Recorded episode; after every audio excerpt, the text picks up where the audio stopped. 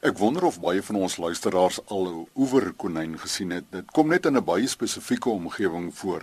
Op Lockston in die Groot Karoo is twee dames besig met intensiewe navorsing op hierdie uiters bedreigde klein diertjie.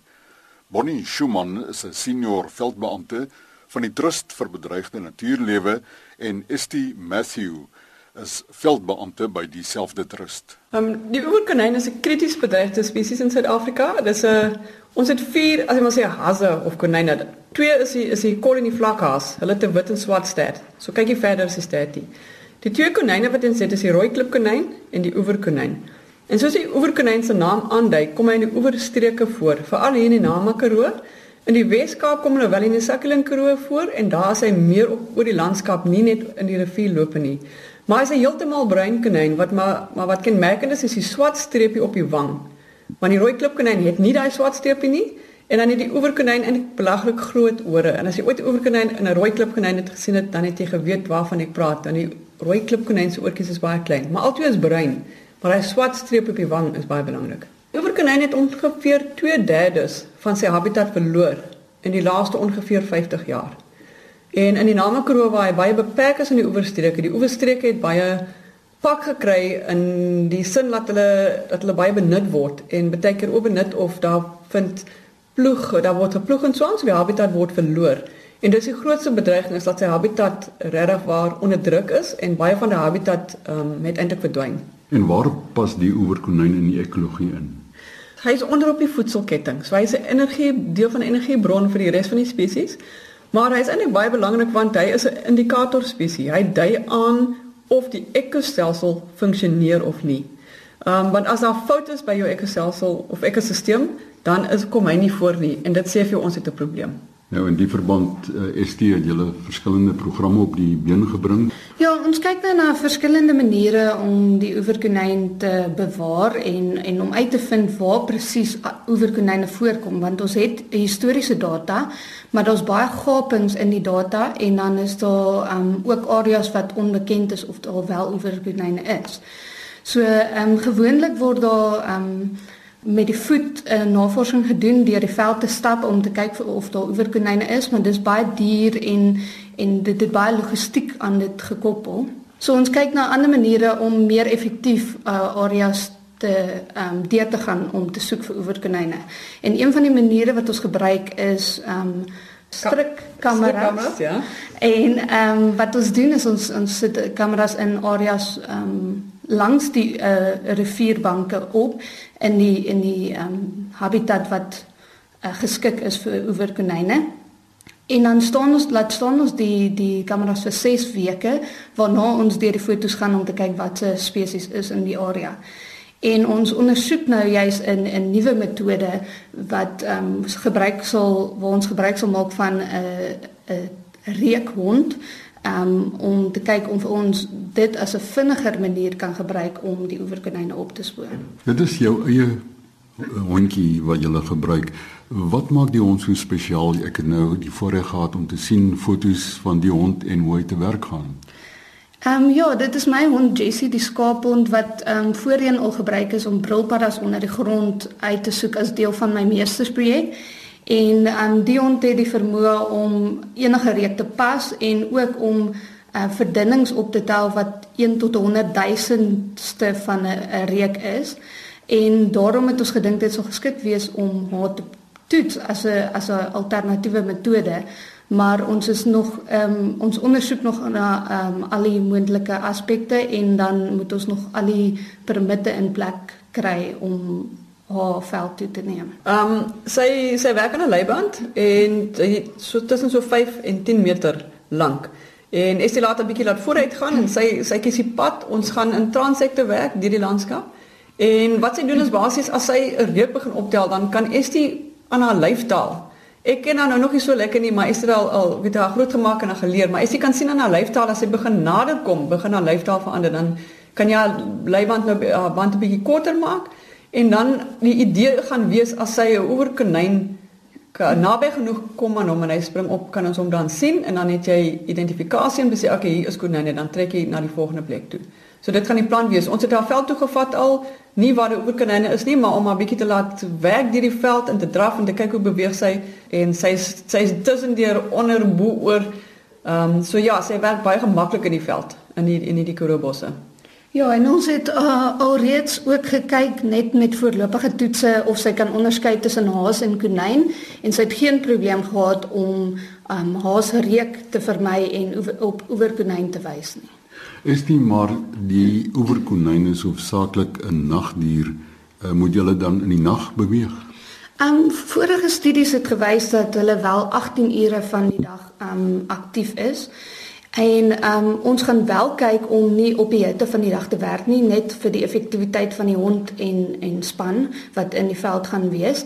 Um so ons fokusarea sal vroegoggend en laatmiddag wees en nie noodwendig donk uh, in die donker noodwendig nie, maar ook as die oeverkonyne minder aktief is, is dit nie noodwendig vir ons um, 'n um, rede om nie te gaan soek vir hulle nie, want hulle um, sit net dan onder 'n bossie of so wat dit nog steeds vir die hond heel maklik gaan maak om hulle op te spoor. Vorige navorsing in die 1980e jare het gewys dat hulle baie een of twee kleintjies kry in 'n jaar en dalk een of twee keer. Dit kan dalk meer wees, ons het nog nie genoeg inligting om spesifiek te sê nie. Maar hy hy teel nie as hulle praat van jou soos 'n konyn aanteel nie, hy teel nie soos 'n gewone konyn aan in groot getalle nie. En dit het te doen seker met die produktiwiteit van die habitat. Ehm um, so hulle teen nie baie vinnig aan nie, maar ek wil ook net sê die konyn is baie spesiaal omdat hy een van ons eie Karoo kinders is. Hy is endemies aan die Karoo. Jy kry hom nêrens anders in Suid-Afrika nie en nêrens anders in die anders in die wêreld nie as hier in die Nama Karoo en in die in die Klein Karoo en die Sakhalin Karoo. Ons is baie bevoorreg om met die Karoo boere te kan werk. Ehm um, ons kry baie ondersteuning van hulle. Ehm um, hulle is hulle deel baie graag inligting. Hulle sit baie graag hand by. Ehm um, en ons het ons het baie van hulle geleer en die Karoo boere het oorkonyne bewaar nog lank voor ons op die toneel gekom het. Um in die 1980e jare al was daar boere betrokke wat bewaarareas geskep het saam met die destydse natuurbewaring departemente. So ek dink ons is baie bevoorreg om dat hulle die konynkies so mooi oppas. Um en ja, ons kan net dankie sê vir die vir die gemeenskap saam met wie ons werk dat ons dat ons so baie ondersteuning kry. Ehm um, ons ander vennote is ander organisasies en ehm um, dan ook die departemente van die provinsies waarin ons werk en dan spesifiek ook die boere waarmee ons te doen het want ehm um, die oeverkonyne die areas waar ons soek vir hulle is hoofsaaklik op privaat eiendom. So ons het, daai daai sterk verhouding met die boere nodig om op hulle uh, eiendom te kan werk en bewaring te kan toepas. Nou die jongste wat ek verneem waarmee jy besig is is die sogenaamde hommeltuig. Ehm um, ons is nou ons het nou 'n nuwe program bestuurder bygekry Kobus Tron en hy is nou 'n gadget man. Hy is nou verskriklik in hierdie goedjies in. En hy hy is gedurig op soek na maniere om 'n ding vinniger en meer doeltreffend te kan doen en ons begroting is beperk. So hy moet ook in ons begroting kan inpas. En daarmee kyk ons nou na hommeltuie om habitat te karteer, om die om die om die kondisie van die habitat te kan vinnig evalueer en dan ook wanneer ons veldrestaurasie doen, net hierdie hommeltuie die saam met driedimensionele ehm um, ligspektrum kamera kan hy nou vir jou plant digtheid en en plant die die die die plant cover kan hy nou karteer. Baie vinnig. As ons dit doen, dan moet ons transsektor loop en vormpies invul en al daai tipe ding en dit is baie dit is langsaam. Maar hy jy kan nou 'n paar ure daai hommeltuig laat vlieg. En jy die film af en dan kom jy terug kantoor toe en dan kyk jy sommer baie vinnig of jou of jou werk doeltreffend is. En dis 'n dis 'n ding wat gebruik word in ander lande al. Dit word gedoen. Die tegniek hou baie potensiaal. En dit moet ons weet, is die bewaringsaksies wat ons doen doeltreffend of nie? En sonder om te weet wat is die tendens van die populasie oor konyne, gaan ons nie eintlik lekker weet of of ons werk die kol tref of nie. Jy is self besig met 'n studie nie waar nie is nie?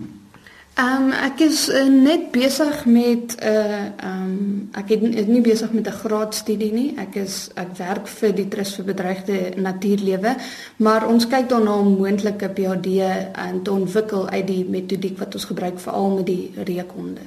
So ons is baie optimisties. Ons sê absoluut ons gaan die stryd wen. Ehm um, en ek dink die rede hoekom ons die stryd gaan wen is omdat ons grondeienaars het in Suid-Afrika wat baie bewus is van die waarde van biodiversiteit en hulle verstaan produktiwiteit in die veld en as jy boer om jou grond op te pas en jy boer om jou bossies op te pas, dan het jy vetskape en jy het biodiversiteit. En jy gaan nie vetskape hê sonder om goeie biodiversiteit hê nie, want twee goed werk saam. Jy kan hulle nie skei nie. En so ons is baie optimisties. Ek dink ons gaan definitief die suid wen en ek dink daar's tegnologie soos die hommeltuie en so aan wat wat regtig waar bewaring baie meer vergemaklik deesdae. Um en ek dink dis tegnologie wat baie meer toe, toeganklik is aan die gewone persoon.